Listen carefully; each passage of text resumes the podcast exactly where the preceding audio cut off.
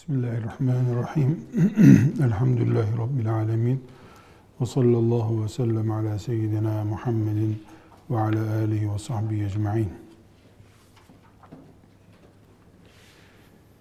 Hayızla ilgili hükümleri hüküm olarak toparlamaya devam edelim. Bu arada defalarca e, vurgulandı. Tekrar vurguluyorum. Hep hayız hayız diyoruz. Nifas yani lohusalıkta hayızla e, aynı hükümleri taşıyor. Sadece nifasın süresi değişik. Hayızda bir e, az olma süresi var. Üç günden az olmayacak. E, çok on günden fazla olmayacak diyoruz. Nif nifasta yani lohusalıkta ise azı yok bunun. Bir saatte olur. 40 günden fazla da olmaz diyoruz. Bunun dışında hayız ve nifas ahkamı aynı olduğu için genellikle sadece hayız diye isim kullanıp e, ders yapıyoruz. Bunu bu şekilde not etmiş olalım. E, çokça karşılaşılan hayızla ilintili konulardan birisi de düşük yapan kadının gördüğü kan konusudur. E, düşük e, kadının e, vaktinden önce gördüğü hastalık diyelim yahut da vaktinden önce karnındakini, rahmindekini düşürmesi ne düşük diyoruz. Burada iki türlü düşük yapabilir kadın. Birincisi insana benzeyen yüzü gözü veya işte kolu oluşmuş şekilde bir e, cenin düşürmesi söz konusudur. Bu da yaklaşık olarak 120. günlerine tekabül eder hamileliğinin. Veya bir et parçası, işte pıhtılaşmış bir kan parçası gibi düşürür. Bu da işte bir haftalık, iki haftalık ne kadarsa üç günlük artık onu bilemeyeceğim. E, yani bir e, iskeleti oluşmuş insan iskeletine benzer bir şey. Küçük de olabilir. Yani e, küçük bir kendi avucu kadar bir şey de olabilir ama bakıldığında insan iskeleti oluşmuş. Eli ayağı oluşmuş haliyle düşük yapar. Bir de iskelet şeklini almamış. Ee, genelde işte 40. günden önce ya da 43. günde neyse bir düşük yapar kadın. Bu ikisi arasında fark var. Eğer kadın iskeleti oluşmuş bir çocuğu düşürürse mesela mesela 180 günlük bir çocuk düşürürse bu kadın yaptığı düşükten sonrası lohusalık hükmündedir. Eğer yaptığı düşük iskeleti oluşmamış, işte 50 günlük, 40 günlük ne kadarsa kan pıhtısına benzer bir şey ya da et gibi artık ama bir kafa yok, el yok, ayak yok. O şekilde düşük yaparsa bunu da aybaşı kanı gibi kabul ederiz. Demek ki düşük yapan kadın için iki hüküm geçerli. Birincisi e, iskeleti oluşmuş, el ayakları oluşmuş şekilde bir e, cenin düşürürse o düşürdüğüne e, lohusalık muamelesi yapıyoruz. Lohusalık olunca kanama oluyor muhakkak. E, ne kadar sürerse 40 güne kadar lohusa hükmünde kadın. 3 gün sonra kanama kesilirse bitti, eski hayatına dönecek demektir. Eğer daha düşük bir zamanda işte 40 günlük olmadan ya da 50 e, günlük ama iskelet oluşmamış haliyle düşük yaparsa bunu kan da gelirse daha sonra aybaşı gibi muamele yapacağız. Bu ne demektir? 10 günden fazla sürerse e, yıkanıp gusledip e, hayatına devam edecek. Yani normal istihaze kanı neyse onun gibi uygulama yapacak diye kuralımızı koyduk. E, iki başlık açtık. Birincisi e, aybaşı haliyle e, lohusalık hali fıkıh açısından aynıdır. Zaten sadece zamanlamada farklılık var. İkincisi de düşük yapan kadının gördüğü kanın hükmünü ikiye ayırdık. İskeleti oluşacak kadar rahminde cenin büyümüşse e, lohusa hükmünde pıhtılaşma veyahut da et sürecindeki bir düşük yaptıysa bunu da kadın kendisi bilir zaten. E, gözünün önünde olan bir şey. O da kendisini aybaşı kabul edecek. Aybaşı da zaten en fazla 10 gün olabilir dedik. 10 günden sonra hala devam ediyorsa yani pıhtılaşmış kan gibi yeni oluşmuş et gibi bir düşük yaptığı halde 10 günde geçti hala kanaması devam ediyorsa e bu özürlü hükmünde. Özürlüye istihaze muamelesi yapacağız dedik. İstihaze diye de bir başlık açmamız gerekiyor. Sık sık işte aybaşı kanaması 3 günden az olursa, 10 günden fazla olursa Hanefi müştehitlerinin sözlerine itibar ederek, onları dikkate alarak bu rakamları konuşuyoruz. Ee, az olursa veya çok olursa bu özür kanıdır dedik. Özür kanıyla e, biz e, tıpkı idrarını kaçıran bir insana nasıl abdest konusunda özürlü fıkhı uygulanıyorsa istihaze kanına da aynı şekilde özürlü fıkhı uygulanacağından netice olarak biz e, diyoruz ki ya da yani fıkıh diyor ki e, aybaşı 3 günden az 10 günden fazla olursa lohusalık hali de 40 günden fazla olursa kadın istihaze kanı görmektedir. Yani özürlüdür. Özürlü kelimesi yani din açısından, fıkıh açısından aybaşı hali bitmiştir. Herhangi bir Müslümanın abdestinden dolayı mesela yellenmesini önleyemeyen Müslüman iki namaz arası yaklaşık bir buçuk iki saat kadar yellenmesini önleyemiyor, zapt edemiyor kendini. İdrarını zapt edemiyor.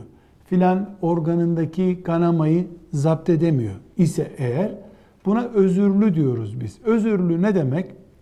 Abdeste, gusle engel oluşturmuş olmasına rağmen normal şartlarda artık özürlü olunca engel kabul etmiyoruz bunu.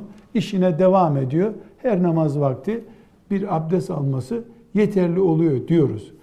İstihaze kanı gören kadın yani lohusalıkta veya ay başında normalden fazla tahdit edilmiş bulunan süreden daha fazla aybaşı hali gören kadın için de bu istihaze eşittir özürlü. İstihaze eşittir özürlü. Ama özürlü kelimesi istihaze kelimesinden daha kapsamlıdır.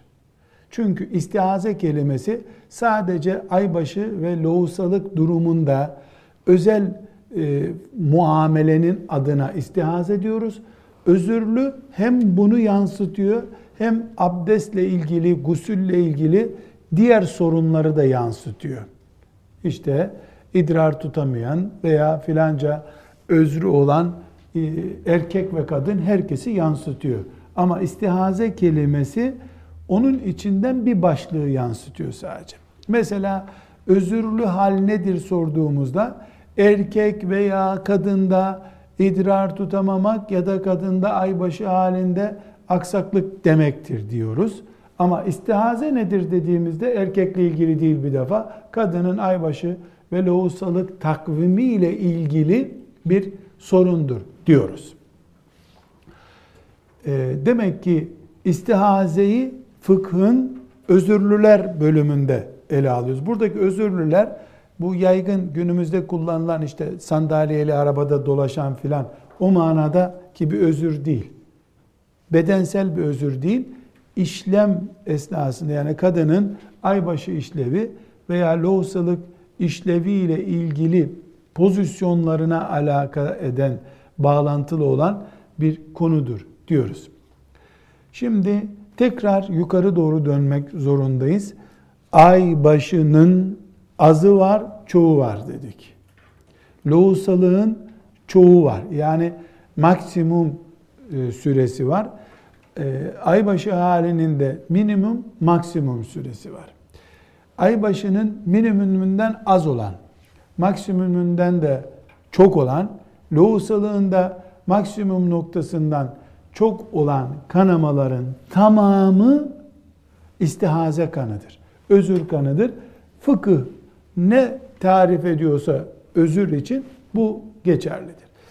Nasıl e, az oluyor çok oluyordan önce tekrar e, bir hatırlatma da yapalım. Biz lohusalık ve aybaşı hali yani hayız ve nifas hallerinde ne demiştik? Bir, cinsel ilişki haram demiştik kadın açısından. İki, namaz yok, oruç yok, oruçlar kaza edilecek demiştik. Üç, Kur'an okuyamaz ağırlıklı cumhurun görüşü olarak Kur'an okuyamaz, Mustafa tutamaz demiştik. Camiye giremez demiştik. E, gusül abdesti almak farzdır hemen demiştik. Bu tür benzer hükümler hani hayızlı ve lohusa kadına yasak olan şeyler saymıştık. Bu istihaze durumuna düştüğünde kadın yani aybaşı haline düştüğünde bunların hiçbiri yok. Yasak yok. Tıpkı hiç kan görmemiş birisi gibi. Bu durum sadece idrarını kaçıran ve bu nedenle fıkıh açısından özürlü sayılan bir erkek veya kadın ne kadar fıkıhla bağlantılıysa ya da hangi noktalardan dolayı o fıkıhla bağlantılıysa e, istihaze kanı gören, durumu istihaze durumu olan bir kadın da o kadar ilgilidir. Bu da nedir? Her namaz vakti için abdest alacak. Başka bir şey yok ortada. Her namaz vakti için abdest alacak. Her namaz vakti için abdest alacak. Neden? Çünkü bunun sürekli devam eden bir kanaması vardır. Bu kanama e, ona tanınan 10 günlük süreyi bitirmiştir. 40 günlük süreyi bitirmiştir. Geriye e, kan devam ediyor ama bu kandan dolayı 10. günden sonra şeriatın tanıdığı süreyi kullanmaması gerekiyor. O zaman bu idrar akıntısı olan birisine benziyor. Ya burnundan sürekli kan akan birisine benziyor. Yani aybaşının 10. günü dolduktan sonra 10 çarpı 24 dolduktan sonra artık burnu kanayanla aybaşı kanaması geçiren aynı. Burnu kanayan, hiç burnunun kanını durduramayan bir insan ne yapıyor? Namazın vakti gelince, öğlen kaçta oluyor? 12'de oluyor. 12'de abdest alıyor. İkindi kaçta oluyor? 15'te. 15'te abdest alıyor. Akşam kaçta oluyor? 17'de. 17'de abdest alıyor. Yatsı kaçta oluyor? 20'de. 20'de abdest alıyor. Sabah namazının vakti ne zaman giriyor? İmsak vaktinde. İmsak kaçta? 04'te. 04'te abdest alıyor. Ne zaman bozuluyor abdesti? Ne zaman öğlenin vakti çıkıyor? 12'de başlıyor öğlenin vakti. Ne zaman çıkıyor? 14.59'da. 14.59'da abdesti bozuluyor. İkindi için abdest aldı 15'te. Ne zaman abdesti bozulacak bunun bir daha varsayacağız abdestinin bozulduğunu. Ne zaman e, ikindinin vakti çıkıyor? Akşama bir dakika kala. Akşama bir dakika kala 16.59'da da abdesti bozulmuş olacak. Ama bu arada tuvalete giderse mesela abdesti bozuldu. Bütün bu ruhsat yani namaz vaktinin sonuna kadar olan o özrü ne içindi? Burnu kanadığı için. Aybaşı kanaması devam ettiği için. Onu yok sayıyor şeriat. Bu arada mesela başka bir abdest bozucu bir şey oldu. Mesela uyumak abdesti bozuyor. Ee, çok yüksek oranda kusmak abdesti bozuyor. Aybaşı özründen dolayı kadın öbür namaz vaktine kadar abdestsiz sayılıyor ama Başka bir nedenle mesela uyuduğu için, yatağa yatıp uyuduğu için ikinci bir gerekçeden dolayı abdesti bozulunca bir abdest daha alacak. Abdest al, abdestli bir iş yapmak istiyorsa eğer. Yoksa illa abdest alacak diye bir şey yok. Yani namaz kılmak için abdest alması lazım. Musafa tutmak için abdest alması lazım. E, veya mescide girmek için abdest alması lazım. Bunun dışında kadın 10. gününden sonra aybaşı kelimesiyle hiçbir bağlantısı yoktur. Eşiyle ilişkisinde de hiçbir sorun yoktur. Burada e, not defterimize küçük bir not olarak e, yazalım. Cinsel ilişki açısından aybaşı süresinde ilişki yüzde yüz haram. Bunun boyutu ile ilgili ufak bir paragraf ileride açacağız. Ama cinsel ilişki haram. Aybaşının e, şeriat açısından bittiği 10. günden sonra bu haramlık kalkar. Ama hala yoğun kanaması devam eden bir kadınla erkeğin cinsel ilişkisinin tıbbi boyutu kalır. Çünkü Kur'an-ı Kerim e, kul huve ezen fe'tezilun nisa'e fil mahidi buyurmuştu. De ki eziyettir bu kadınlara. Aybaşı hali eziyettir. Yani kadın bu günlerinde sıkıntıdadır, bunalımdadır. Rahat bırakın kadınları buyurmuştu Allah. Bu emri yüzde yüz onuncu günde bitmiştir. Velev ki kadının kanaması devam etsin. Altıncı günde kanama bittiyse zaten altıncı günde bitmiş olacak. Onuncu günde erkeğin önündeki haram noktası kalkmıştır. Fakat eğer kanama kadında hala devam ediyorsa bu ne demektir? E, normalinden fazla kan kaybı, e, Kur'an-ı Kerim'in eziyet dediği şeyin devam etmesi gibi bir ihtimal de var ortada. Dolayısıyla e, kadının eşiyle cinsel ilişkisi helal olmakla beraber bir doktor onayını da gerektiriyor olabilir. Yani kadın erkekle böyle bir ilişkisi için esasen tıbben uygun değil olabilir. Bunu da e, kararını fakih değil doktor verecek. Eğer tıp yani doktor biz argoca doktor diyelim. Doktor bu kadının bu hali sağlığı açısından tehlike oluşturuyor. Yani kadın cinsel ilişkiye dayanacak durumda değildir diye. Yani böyle bir merhametlilik işte e, kadınları korumak gibi bir açıdan değil. Doktor gözüyle tıp e, tahlili olarak kadının bu hali sağlığı açısından tehlikelidir diyorsa burada erkeğe cinsel ilişki yasağı tekrar gelir. Ama bu hayızdan dolayı değil. Nereden dolayı? E, kadının e, bunu tahammül edecek bünyesi olmadığından dolayı. Hamilelikle ilgili fıkıh dersi yaptığımızda bu konu tekrar karşımıza gelecek. Yani kadın eğer doktor hamileliğin cinsel ilişkiyi kaldırmaz diye bir kural koyuyorsa cinsel ilişki yine yasak olacak erkeğe. Ya dikkat etseniz iyi olur dese mekruh olacak. Cinsel ilişki bunun için ölümcül hastalıktır dese kat'i haram olacak o zaman. Buradaki hüküm doktor onayı ile sınırlı oluyor demek ki. Mesela diyeceğiz ki hamileliğin birinci gününden doğuma bir saat kalıncaya kadar cinsel ilişki haram değildir diyeceğiz. Ama doktor kadının tahammülü olmaz buna. Bu cenine de zarar, kadına da zarar ya da ikisinden birine zarar dediği an fıkıh devreye girecek.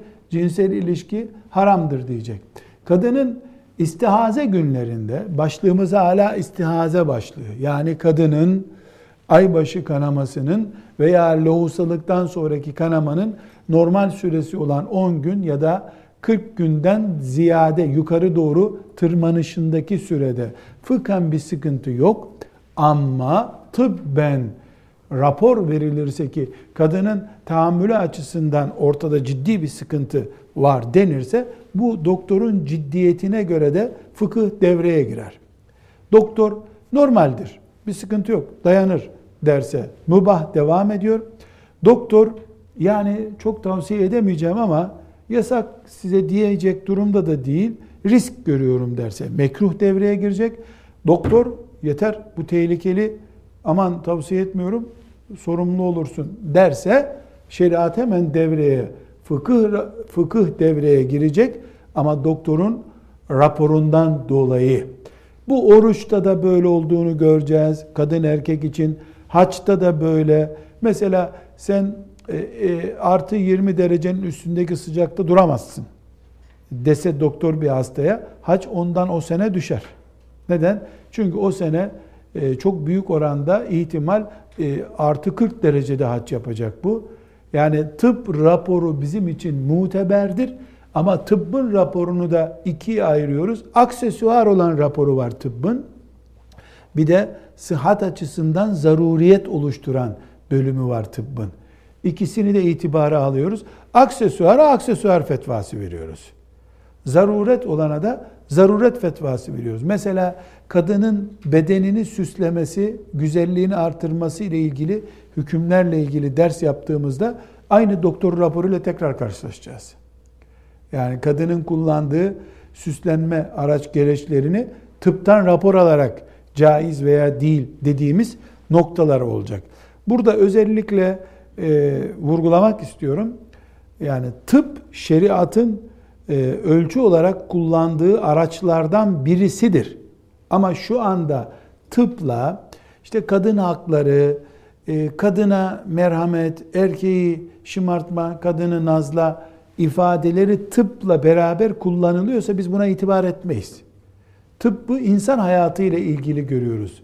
Sosyal hayattaki batı kültüründen kaynaklanan kadını nazlama, şımartma e, işlevlerine araç olarak kullanıldığı zaman tıp sen durduğun yerde dur deriz. Bu sosyal gerekçelerde şeriatın tıbba ihtiyacı yok, raporu yoktur. Ama bir kadının veya erkeğin sağlığı ile ilgili konularda e, tıbba ihtiyaç var. Bu cümleyi neden uzattık? Çok acil, gerekli bir konu çünkü önümüze hep uyduruk bir doktor raporu. Doktorlar diyor ki, diyor, diyetisyenler diyor ki, böyle diyor ki ile olmaz. Altına imza atacak doktor. Bunun hayati tehlikesi var. Ya da mesela hayati tehlike derken illa kadın ölecek diye bir şart yok bu konuda. Mesela rahim açısından rahim kanserine götüren bir sıkıntıdır bu der. Yahut da der ki benim işte bu tedavimde tedavi için verdiğim ilaca yan tesir yapar bu der. İlla yani kadının ölümcül bir hastalık üç gün içinde ölür demesi gerekmiyor. Kadının organlarından bir organa zarar gelmesi de hayati tehlike gibidir. Yani bu e, mesela işte sözü nereden açtık bu konuyu biz? E, kadın 10 günden sonra kanaması hala devam ediyor.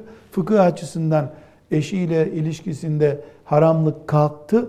Tıp raporuna ihtiyaç hissederiz. Kadın normalde hep kanaması böyle gidiyor zaten. Hep 10 gün, 14 gün üzerinden gidiyoruz biz. 10 artı 4 gün devam ediyor. Kadının bünyesi buna alışık. Doktora gitme ihtiyacı da hissetmiyor. Ayrı bir konu. Ama kadın 12 e, gün oldu, 13 gün oldu. Zayıflamaya başladı. E, kadın artık renk kaybetmeye başladı. Yemekte pişiremeyecek hale geldi. Belli ki bu aybaşı sürecinde kadın olağanüstü bir durum yaşıyor. E Allah helal etmiştir deyip kabaca bir tavır sergileyememiz caiz olmaz bu o zaman. Ne yaparız? Kadının doktora gitmesi bir defa şart oldu. Belki mesela bu aybaşı eski aybaşılarından farklı olarak 13. güne çıktı. 13. günde evet namaz kılıyor kadın ama 5 e, saat uyuyan kadın 10 saat uyumaya başladı. Belli ki bünyede sarsıntı var. Farz oldu doktora görünmesi. Hatta ve hatta o kadar ki erkek bile olsa o şehirde kadın doktor yok. E, kadının tıbbi tedavisiyle ilgili bölümde bu da gelecek. Erkek doktora ne zaman gider kadın? Erkek doktor pahasına bile olsa kadının doktora görülmesi gerekiyor. Çünkü bu kadın mesela 35 yaşında 20 e, senedir aybaşı oluyor. İlk defa başına böyle bir şey geliyor. Ya da geçen ay olmuştu. 15 gün üzerine kadın bir daha yataktan kalkmıştı. Demek ki bünyede bir arıza var. Muhakkak doktora gidecek. Hatta bunun için e, yakın muhitte yaklaşık bir 100 kilometrede e, yani seferilik mesafesi kadar olacak bir mesafede erkek doktordan başka doktor bulamıyorsa erkek doktora da gitmesi hiçbir şekilde sakıncalı değil. Gidecek. Çünkü Allah sağlıklı kullar istiyor. Kuvvetli mümin zayıf müminden hayırlıdır istiyor. E, aynı şekilde de bedenler emanet, kadına da sağlığı emanet, erkeğe de sağlığı emanet. Yani cimrilikten dolayı ya da boşverden dolayı doktora gitmemiş olsa, e, tedavi edilmemiş olsa, e, mesela rahim kanserine yakalansa ahirette hesabını verir. Erkek de hesabını verir. Götürmediği için, kadın da gitmediği için hesabını verir. Doktor kolik olmayı da sapıklık görüyoruz biz. Doktor düşmanlığını da sapıklık görüyoruz. Kaç gündür bu evde karınca var. Herhalde üzerimde mikrop var. Yoksa bu karıncalar gelmezdi. Hemen doktora gidip bizim evde niye karınca var bir muayene etsene beni diyen sapıtmıştır. Yani bunun adı sapıklıktır. İş güç yok bari doktora gidelim diyecek şekilde sapıtmış. Ee, normal 60 kilo olan bedeni 10 gün içinde 50 kiloya düşmüş. Tereyağı olsa bu kadar erimez bu. Demek ki bir arıza var. Bunu da hiç yoktan sayıp doktora gitmemekte sapıklık. İkisini de şeriatımız istemez bizden. Doktor koliklik de doktor düşmanlığı da ikisi de yanlış. Buradaki doktoru tıp olarak anlıyorum. Yani tıp kastederek söylüyorum. Doktor olmaz da aile hekimi olur. Uzman doktor olmaz filanca olur veya illa uzman doktor olur. O duruma göre değerlendirilecek. Tekrar toparlayacak olursak e, dedik ki e, kadının normal takvimin azında veya çoğundaki kanamalarına istihaze diyoruz. İstihazeyi eşittir özür durumu olarak kullanıyoruz. Bu bize belli bir ayrıntılar getirdi. O ayrıntılara işaret ettik. Şimdi fıkıhta bütün müştehitlere göre farklı olan bir konuya geldik. Kadının takvimi karışırsa ne yapacağız? Ki karışmayan takvim zor bulunur. Çünkü istihaze nedir dedik? Kadının takviminde, kanama takviminde istikrarsızlık. Yukarı aşağı doğru çıkış. En ideal kadının mesela 6 gün aybaşı olup 25 günde mesela yani takvim olarak ay temizlik dönemidir. Kadın bunu oturttu mu kolay kolay menopoz günlerine kadar bir daha bozulmaz. Kadın huzurludur, rahattır. Ama kadının e, bilhassa ilk başlama döneminde bir sene, iki sene yani 14-15 yaşı süresinde veya e, doğum yaptıktan sonra ya da işte mesela eşiyle boşanma noktasına geliyor, bir süreç geçiriyor, kaynanasıyla kavga ediyor, komşularıyla sorunu oluyor. Kadınlar e, çok çabuk alıngan bir yapıları olduğu için ilk refleksleri yüzlerinden ortaya çıkıyor. Hemen e, alınıyorlar, bozuluyorlar, ağlıyorlar, sızlıyorlar, gözyaşı akıtıyorlar. Ama bu uzun sürede kadının e, hormon yapısında vesairesinde hemen etki ediyor ve kadın aybaşı takviminde bir sıkıntı ile karşılaşıyor. Umumen e, kadın görüntüsü böyledir.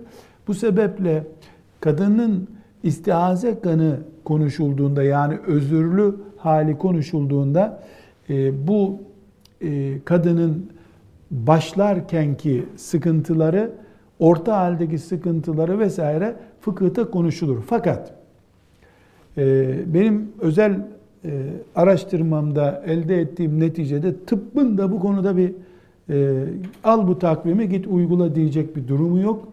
Çünkü çok farklı sonuçlara ulaşılıyor. Neredeyse her kadın için özel bir tıp sonucu çıkması lazım. Mübalağa ile söylüyorum yani işin e, önemini anlatmak için. Fıkıhta da buna bağlı olarak e, ciddi bir e, görüş çokluğu var. Görüş çokluğu var. Öyle ki bunun tabi temel nedeni dünkü dersten gelen sorulardan da siz de bunu anlamışsınız. Ayetlerde, hadislerde açık bir ifade olmayınca iştihat kapısı açılıyor. İştihatta da 20 müştehidin 19 iştihadı çıkıyor ortaya. Mesela hayız halindeyken e, cinsel ilişki haramdır da hiçbir ihtilaf var mı? Yok. Ayet çünkü fe'tezilün nise kadınları rahat bırakın dedi. Rahat bırak. Bitti. Bunu bir daha helal diyecek bir Allah kul olmaz dinden çıkar. Veyahut da hadis e, şu kadardır, üç gündür, beş gündür deyince yine hiçbir iştihat olmaz. İçtihat ayetin, hadisin icmaen olmadığı bir yerde olabilir ancak. Kadının aybaşı durumunda ve lohusalık durumunda sıkıntı olduğu zaman, takvim sıkıntısı olduğu zaman buna istikrarsızlık, karışıklık, işte kadın kaç gündü takvimini unutmuş. Yani insan kendi takvimini unutur mu? Yani geçen ay kaç gün aybaşı oldu. Bir defa aybaşı olsa unutur onu. 20 sene üzerine kadın ben kaç gün aybaşı oldum diye der mi? Der. İnsanoğlu bu. Onu lohusalıyla karıştırır. Doğum günüyle bir şeyle karıştırır. Yani insanoğlu fukaha ne yapmış? Bin ihtimal düşünmüşler. Binine de alternatif üretmişler. Hatırlarsanız ne demiştik? Ashab-ı kiram döneminde faraziye fıkıh yoktu. Olursa ne olacak diye sormak mümkün değil. Olursa gelirsin sorarsın. Ömer burada. Mantık oydu. Sonra ne oldu? Fıkhın altın döneminde, yükselme döneminde faraziyeler yani şu ihtimale ne cevap vereceğiz? Bu ihtimale ne cevap vereceğiz diye alternatifler hep konuşuldu. Hatırlarsanız o zaman ne demiştik? Fıkıh açısından bir zenginlik oluşturdu bu. Şimdi işte bu zenginlikle karşı karşıyayız. Yani fukahanın bin faraziyesi. Kadın yedi gün görürse ne olur? Yedinci gün unutursa ne olur? Çocuk unutursa ne olur? Yaşlı kadın unutursa ne olur? Hepsi düşünülmüş. Şimdi e, bu konudaki görüşleri şöyle bir toplayayım dedim. iki günümü aldı. Yani kitaplarda derin derin meseleler bunlar. E, neticede ben şöyle bir kanaat oluştu bende. Yani bu konuda e, Hanefi mezhebinin mutemet görüşünü alıp bir kural oluşturayım, gerisini yok sayayım dedim. Hanefi mezhebinin içinde de, de farklı görüşler var çünkü. Dedim ya her alim herhalde eşine sormuş, kızına sormuş nasıl oluyor kızım ne yapıyorsun diye. Onu, onun kızı onun o hanımı başka olunca yani bu konuda nas yok. Tıbbi bir veri, ciddi bir şekilde kat'i ölçü yok. E, şeriatında çok hassas namaz, e, oruç, hac, Kur'an, eşiyle ilişki gibi çok ciddi konularla bağlantılı bir konu. Fukaha ya ne yaparsa yapsın kızlar işte ayarlasın bu konuyu. Mesela bir e, hanım kocasına bu sandalyeyi nereye koyalım, büfeyi neye koyalım dediğinde ya nereye koyarsan koy benim başımın üstüne koyma da der kapatır. Niye? Büfe bu nereye koyarsan koy. Ama kadının namazıyla, orucuyla, haccıyla, tavafıyla, Kur'an'ıyla ilişkili bir konuda ee birkaç gün işte abdest al yeter diyecek hali yok bir müştehidin. Ne yapıyorlar? Allah onlardan razı olsun. Gece gündüzü birbirine katıp araştırıyorlar. Mesela Ebu Yusuf'un rahmetullahi aleyh bunu ilmi bir kaynakta görmedim. Sadece fıkıh dersi okuturken e, hoca efendilerden dinlemiştim. Hala bir kaynakta da görmedim.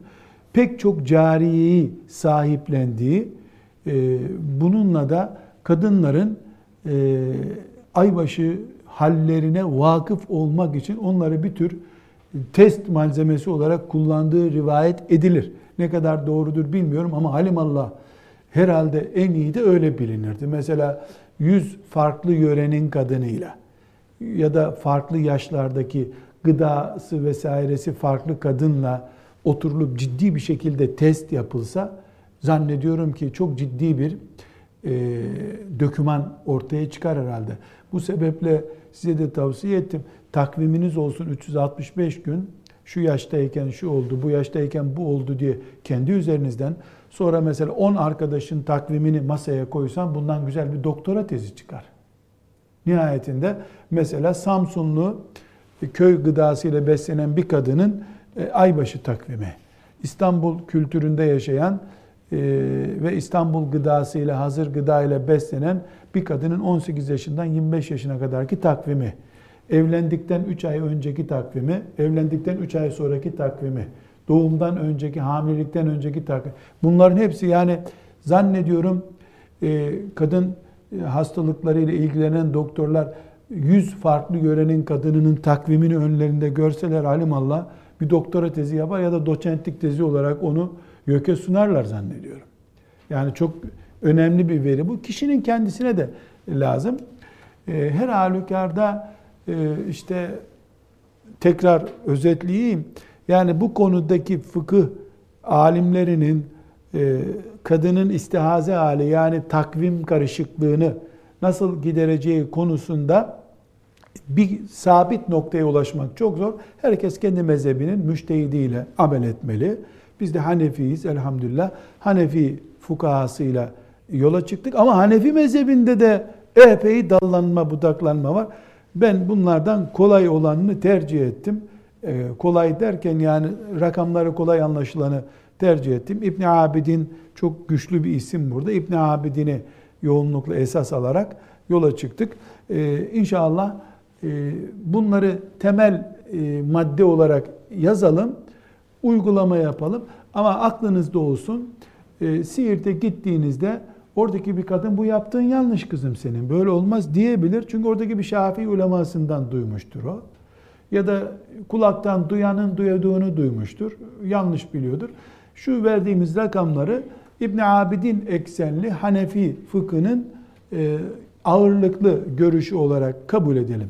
Birincisi ilk kanama gören genç bir kız sıkıntısı. Eğer e, bir numaralı konumuz bu. Eğer e, kızcağız beş gün kanama gördü sonra da devam etti. Hiçbir sıkıntı yok. Elhamdülillahi Rabbil Alemin'de yoluna devam et. Ama genelde e, bir sıkıntı söz konusu oluyor. Kızcağız hemen doktora koşuyor. Ben ölüyorum herhalde işte diyor. Haklı. Doktor ona normal aybaşı halindir. Şuna dikkat et, buna dikkat et diyor. Umumen de ilaçlı müdahale hemen yapılıyor. Her ilaç 20 sene 30 sene belki yaşanacak bir sıkıntı demek oluyor. Çünkü e, aybaşı ile ilgili kullanılan ilaçlar doğum haplarından oluşuyor. Yani en, hamileliği engelleme e, haplarının e, mantığından oluşuyor aynı mantık. Bu da kalıcı etki yapıyor bünyede. Yani iç hücrelere kadar ulaşıp hücreler üzerinden etki yapıyor. Dolayısıyla kadın doğum ilaçları zaten giden hemen hamile misin ona göre ilaç vereceğim diyor doktor. Hamileliği çok çünkü hamile bir kadına o ilaçlar verildiğinde zehir zemberek yani sakat çocuk doğmasından tut düşük yapmasına kadar bir sürü hastalığın nedeni oluyor. Bu sebeple e, yani doktor zaruridir demedikçe ilaca yanaşmamak lazım. Yok hakikaten zaruri derse e, kadının karnındaki 6 aylık bebeği almak bile caiz o zaman. Yani o ayrı bir konu. Ki hamilelikle ilgili fıkıhta bunu konuşacağız inşallah. O başka bir mesele. Ama şu andaki meselemiz bizim biz e, normal şartlarda doktora gitmeyi gerektiriyorsa gideriz. Zorunlu bu ilaç derse kullanırız.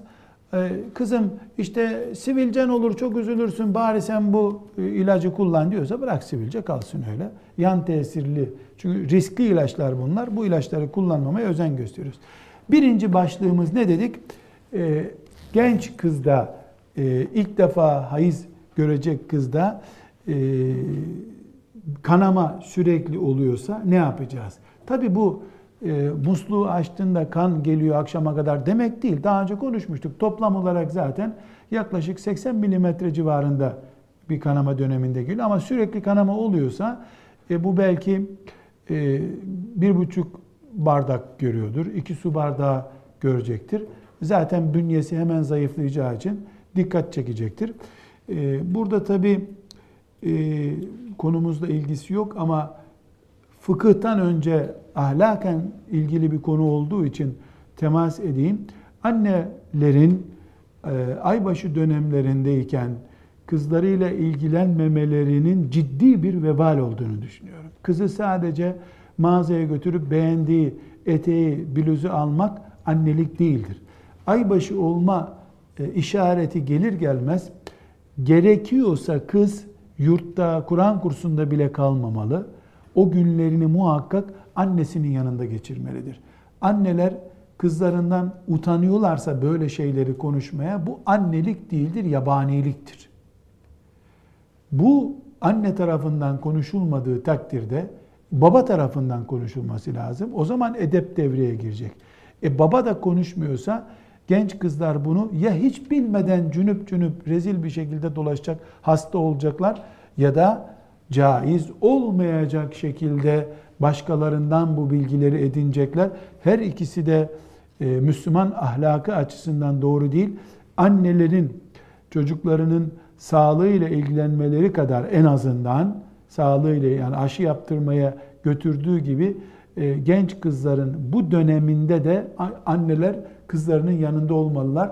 Eğer illa bir Kur'an kursunda kalıyorsa muhakkak haftada iki gün yanına almalı. Günlük bilgi edinmeli. Kız çocukları ya ben bu kadar bir şey halledemiyorum mu diye muhakkak bir tavır göstereceklerdir. Gençlik refleksi olarak anneler buna da sabırla davranmalıdırlar. Eğer e, uzun süreli bir kanamayla genç kızın aybaşı dönemi başlıyorsa yani artık e, genç ilk defa aybaşı olanı konuşuyoruz. Rakamlar çoğalacak karıştırmamak için böyle çize çize söyleyeyim bunu. E, burada e, eğer kızcağız işte filan gün bir kanaması başladı. 3 gün, 5 gün, 10 gün, 20 gün devam ediyor. 3 ay devam etti, 4 ay devam etti. Böyle vakalar varmış. Ee, Allah muhafaza buyursun. Tabii bu büyük sorun. Kızda psikolojik sorun, fıkıh açısından bir sorun, e, çocuğun e, hayatiyeti açısından bir sorun. Burada ölçü şudur. Her ayın ilk 10 gününü aybaşı kabul eder kendinden. Her ayın ilk 10 günü. Hicri ayda olur, kameri ayda olur. Yani 1 Mart'ta aybaşı oldum kabul eder. 10 gün kendisini aybaşı sayar. O 10 gün bitince 20 gün temiz olduğunu kabul eder. 20 gün sonra 10 gün tekrar başlar.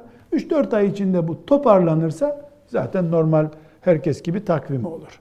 Toparlanamazsa eğer 3 sene, 3 sene böyle devam eder. 10 artı 20, 10 artı 20 öyle devam edecek.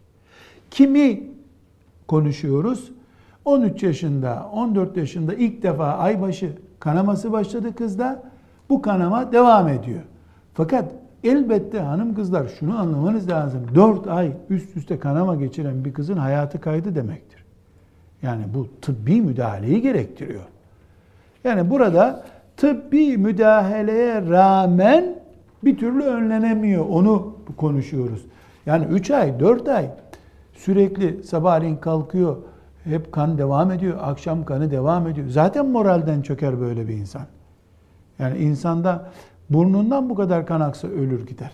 Kaldı ki genç kızın tedavi görmemesi böyle bir ortamda çok büyük e, bir sıkıntıdır. E, bu muhakkak tedavi görülmelidir.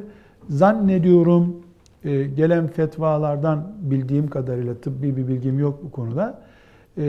Bir zaman tedavi edilmemesi de zamanla tedaviyi zorlaştırıyor bu konularda. Bu yüzden işte başta uyarı yaptım.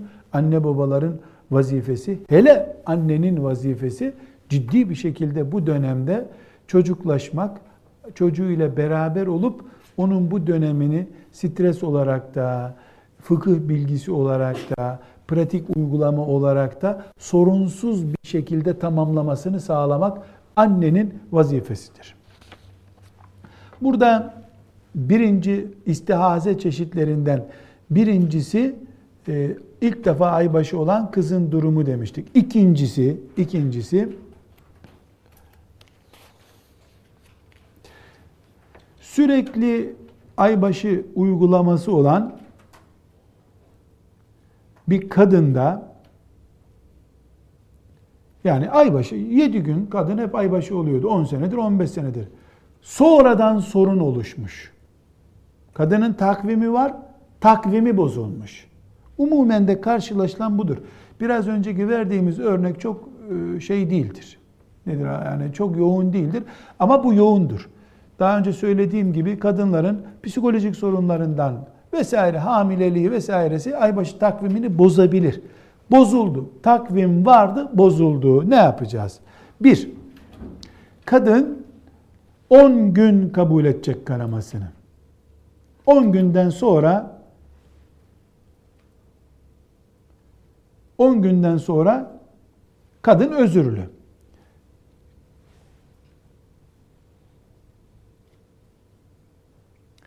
Burada bir sorun yok. Zaten 10 gündü, 10 gün kabul ettik, 10 günden sonra sorun. Kadının 10 günden azdı takvimi.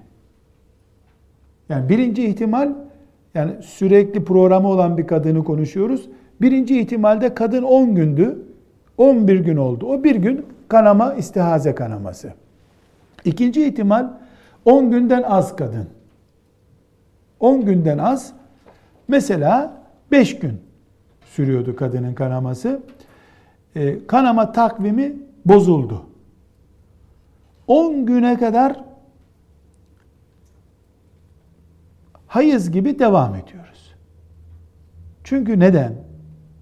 Senin takvimin 5 gün ama illa 5 gün ölünceye kadar devam edecek diye bir kural yok. Bu takvim 10 güne kadar çıkabilir. O yüzden senin kanaman 5 gündü 10 senedir, 20 senedir. Ama bir sebeple bozulup senin kanaman 8 güne çıkmış olabilir, 9 güne çıkmış olabilir. O zaman 10. güne kadar devam ediyoruz.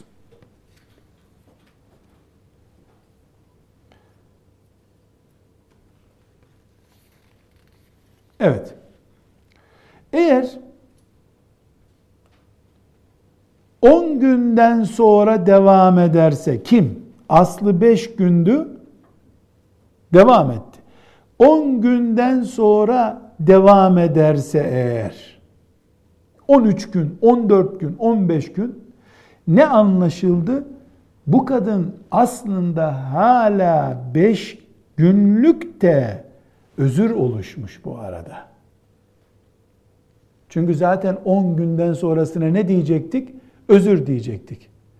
Bu kadın 5 günken takvimi 15 güne çıktı.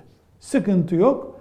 Bu kadının genel durumu 5'ten sonraki o son 5'ten sonra 6, 7, 8, 9, 10, 11, 12, 13 kaç devam ettiyse bu kadın demek ki 5'ten sonraki hep istihaze kanı. Bu da neyi gerektirecek? Geçen 5'ten sonraki namazlarını ve oruçlarını kaza edecek. İnşallah karıştırmıyoruz. Tekrar ediyorum. Kadının normalde 5 gün kanaması. Bu ay bir sıkıntı oldu. 6'ya çıktı. 7, 8, 9, 10, 11, 12, 13, 14, 15 oldu. Mesela 10 artı bir gün ne kadarsa. Sonra 17. gün, 15. gün bitti kanama. Ne anlaşıldı bundan? Kadın 10 günü aştığına göre normal bir pozisyon kadında bu arıza var. Bu arıza 5'ten sonra başlamıştı esasen. Hayız olup olmadığını anlamak için ona kadar bekledik biz. Bu beklemede mecburen namaz kılmadık. Mecburen oruç tutmadık geri dönüp o 6, 7, 8, 9, 10, 11, 12 gündeki kılmadığımız bütün namazları ne yapacağız? Kılacağız. Zaten 10. günden sonrası da özür kanı diye zaten namazımıza başlamıştık. Arada bir 5 ile 10 arasındaki takvim sıkıntılı kalmıştı. O sıkıntılı takvimi iade edeceğiz namazları. Kaza. Yani bu bir vebali yok bunun ama bir ihtimale binaen namaz kılmamıştı o ihtimale binaen kılmadığı namazları tekrar iade ediyoruz. İnşallah slayt olarak hazırlayacağınız bölümde bunlar daha net anlaşılacak inşallah. Bir başka ihtimal aynı ikinci şıktaki yani e, belli e, takvimi belli olan kadınla ilgili, çocukla ilgili bölümü konuşmuyoruz bir kadın düşünüyoruz. Bir kadın düşündük 10 gün doğal hali var. Bir kadın düşündük 5 gündü ama 10 güne çıktı. Veya 6 günde ama 10 ve artı güne çıktı. Üçüncü şıkkımız kadının e, günü belli ama istikrarlı değil. Bir 6 gün geçiriyor, bir 7 gün geçiriyor kadın. Yani kadının Mesela 3 bir ay bakıyorsun 6 günden. Öbür ay bakıyorsun 7 gün hayız oluyor. Öbür ay bakıyorsun 6 gün tekrar. Soruyorsun senin ay başın kaç gün? Bir şey söyleyemiyor. Bilmiyor süresini. Tabii kızlar Bu kadın 6. gün beyaz akıntıyı görünce zaten sorun bitiyor. Bizim yani beyaz akıntı zaten musluğun kapandığı sorunun bittiği şey demek.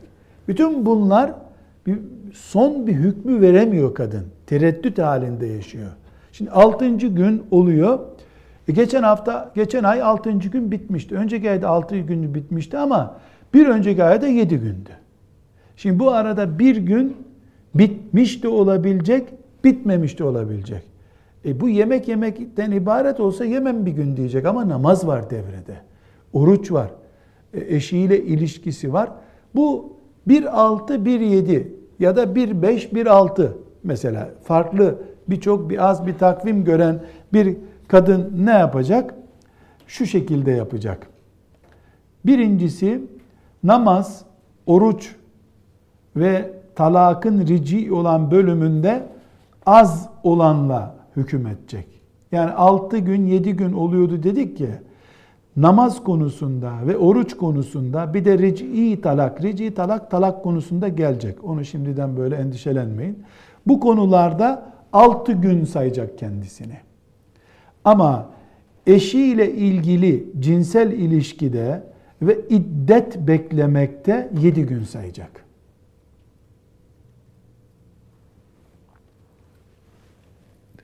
Burada niye bir 6 gün bir 7 gün sayacağız diyoruz? Kadının tereddüdü var. 6 mı 7 mi bir tereddüt.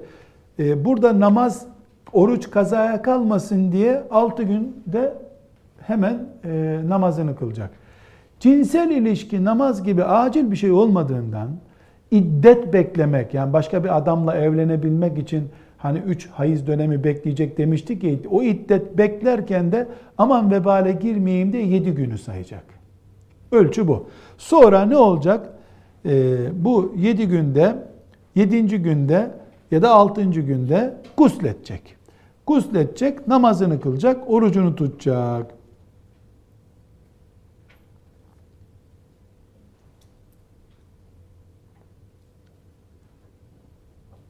Ve yedinci günde gusledecek. Bu arada zaten niye yedi güncü, yedinci günde gusledecek? Bir ihtimali daha yedi gün var ya. Peki biz namazı 6. günle 7. gün arasında yaklaşık 5 belki 6 vakit namaz kılmış olacak. 6 vakit namazı şüpheli mi kılacağız? Şüpheli kılmıyoruz. Şüpheyle namaz olmaz zaten. 6. gün bitme e, durumumuz da var bizim. 7. gün bitme durumumuz da var. Zaten bitti diye bilsek iş tamam bizim. Bitti diye bilmiyoruz namaz ve orucumuz kazaya kalmasın diye kılıyoruz. Eğer hala ay başımız devam ediyorsa e bir sorun yok zaten o namazı biz abdestsiz kılalım diye niyet etmemiştik. Cünüp kılmaya niyet etmemiştik. Farzdıysa bize kılmıştık namazımızı. Farz değildiyse e, Allah e, bize e, kasıtlı bir iş yapmadığımız için bundan vebal yazmayacak. Burada e, mütehayyira diye bir başlık vardır fıkıh kitaplarında. El mutehayyira şaşkın demek. El mutehayyiratu şaşkın. Kimdir bu?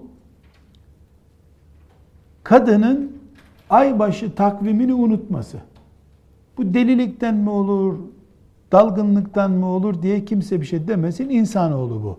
İnsanoğlunun başına her şey gelir. Ya sen beş aydır aybaşı oluyorsun. Ne zamandı en son? E ne bileyim diyebilir kadın. Fıkıh buna da cevap vermek zorunda.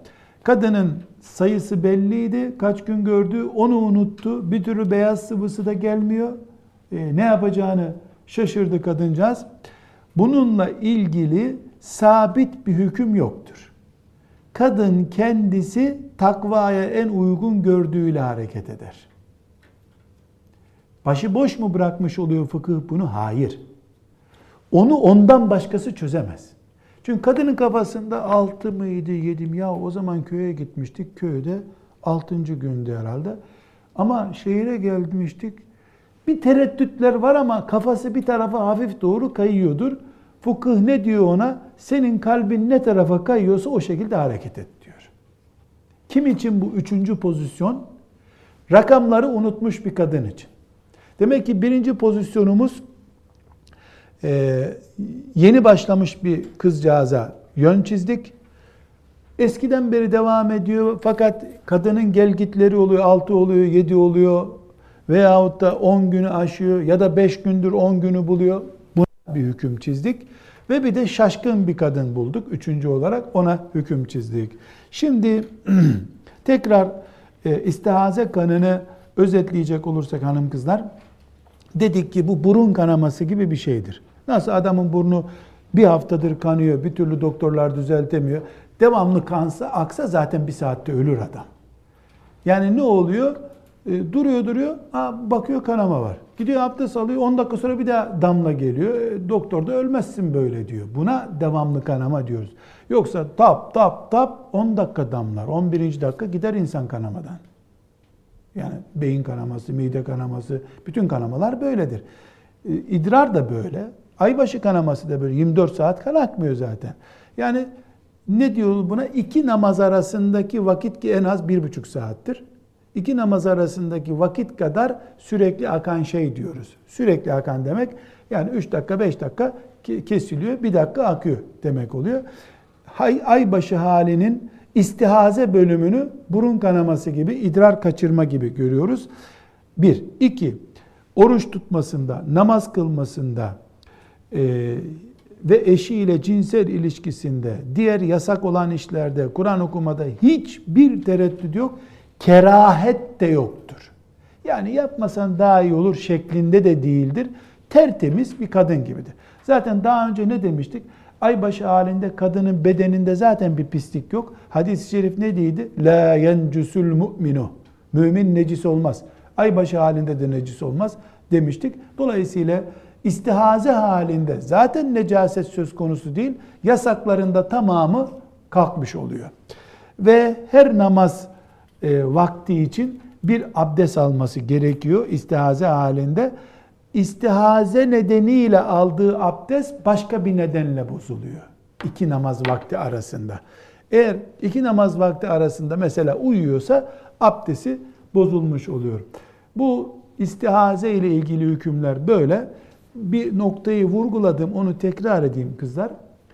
Ee, bu hususta, son istihaze hususunda çok farklı iştihatlar var. Diğer konularda da var ama bunda çok fazla yani bunaltıcı derecede. Şöyle bunları e, bir e, harita gibi, şema gibi yapsak fukahanın görüşünü Türkiye haritasından büyük bir şey çıkar herhalde. Mesela mütehayyire ile ilgili en az görüş İmam-ı Azam'ın görüşü. Hemen onu rahmete sığınıp onu öyle ölçü aldım. Şöyle bir Türkiye haritasındaki vilayetleri, ilçeleri okla gösterdiğini düşün. Öyle bir şey ortaya çıkabilir. Ürkütmek için demiyorum. Konuyu ne kadar önemsediğini fukahanın diyorum. Neden? Namaz buna bağlı. Oruç buna bağlı. Eşlik hayatı buna bağlı. Kur'an okumak buna bağlı. Kabe'yi tavaf etmek buna bağlı. Namaz için veya başka bir sebeple camiye girmek buna bağlı. E, çok bağlantılı bir konu olduğu için meseleleri de çoğalmış bunun. E, bunlara devam edeceğiz. İnşallah ve sallallahu aleyhi ve sellem ala seyyidina Muhammed ve ala alihi ve sahbihi ecmain. Elhamdülillahi Rabbil alemin.